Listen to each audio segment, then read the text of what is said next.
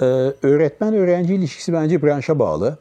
Enstrümanda tabii e, çocuğun formasyon yıllarında çok küçüklüğünden başladığı için hem kaslarının hem müzikal e, kimliğinin, tekniğinin, e, her şeyin oluştuğu yıllarda ilk enstrüman hocasının e, doğru kişi olması, doğru kişiden gelmiş olması çocuğun çok çok önemli.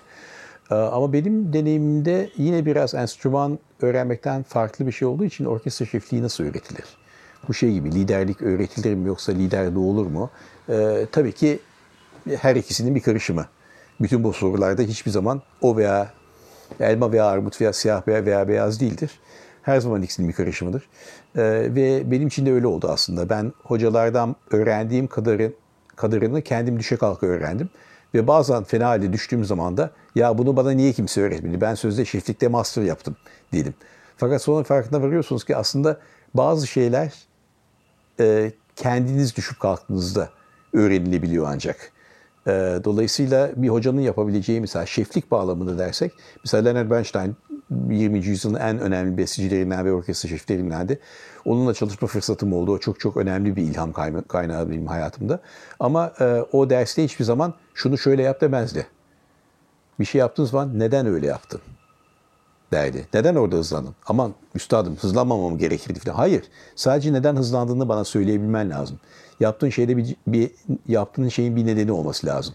Veya bir hareketi orkestrasında yaparken yaptığın zaman bak bunu e, bu açık değil. Orkestranın kafası karışabilir bunu yaptığın zaman. Yaptığını yani fikrini ileten bir hareket değil bir orkestra. Onun, bu, bu orkestraya bu onun üzerine düşün. Filan şeklinde sürekli insanın kendini deşmesine e, e, deşmesine zorlayan bir öğretmenlik türü. Ve o da benim çok hoşuma gidiyor aslında. Çünkü şey demek çok kolay. Bunu böyle yap. Herkes birbirinin kötü bir kopyası olsun. Oradan hiçbir şey çıkmıyor. Ee, üstadlardan, büyük ustalardan hepimiz bir şey öğreniyoruz tabii. Ee, benim Londra'daki öğrenciliğim aslında çok şanslı bir döneme denk geldi. Çünkü bugün artık hayatta olmayan bütün büyük böyle efsanevi şefler hayattaydı ve hepsinin provasına gidebiliyorduk. Özgürce öğrenciler olarak bütün provalarını izliyorduk büyük orkestraların, şeflerin. Ve oradan çok şey öğreniyorduk. Evet ama daha çok soru sormayı öğreniyorduk. Cevapları çünkü herkes kendi cevabını bulmak zorunda. Ve tabii ki insanın etkilendiği dönem oluyor.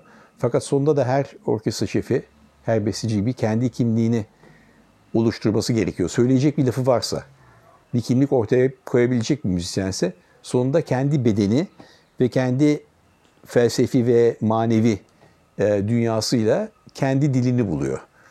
Bu dilin ille çok orijinal olması gerekmiyor ama samimi olması gerekiyor. Kendi olması gerekiyor. Ve bence iyi bir öğretmenin yapması gereken o öğrencinin içindeki ceferi çıkartmak, ortaya çıkartmak, onu bulmak, onu tanımak ve o öğrencinin, o kemancının, o trompetçinin, o orkestra şefinin, o bestecinin neden e, sıradan olmayabileceği, olamayabileceği veya içindeki ceferin nasıl yönlendirilirse özel bir şeyi ortaya çıkarabileceğini kavraması.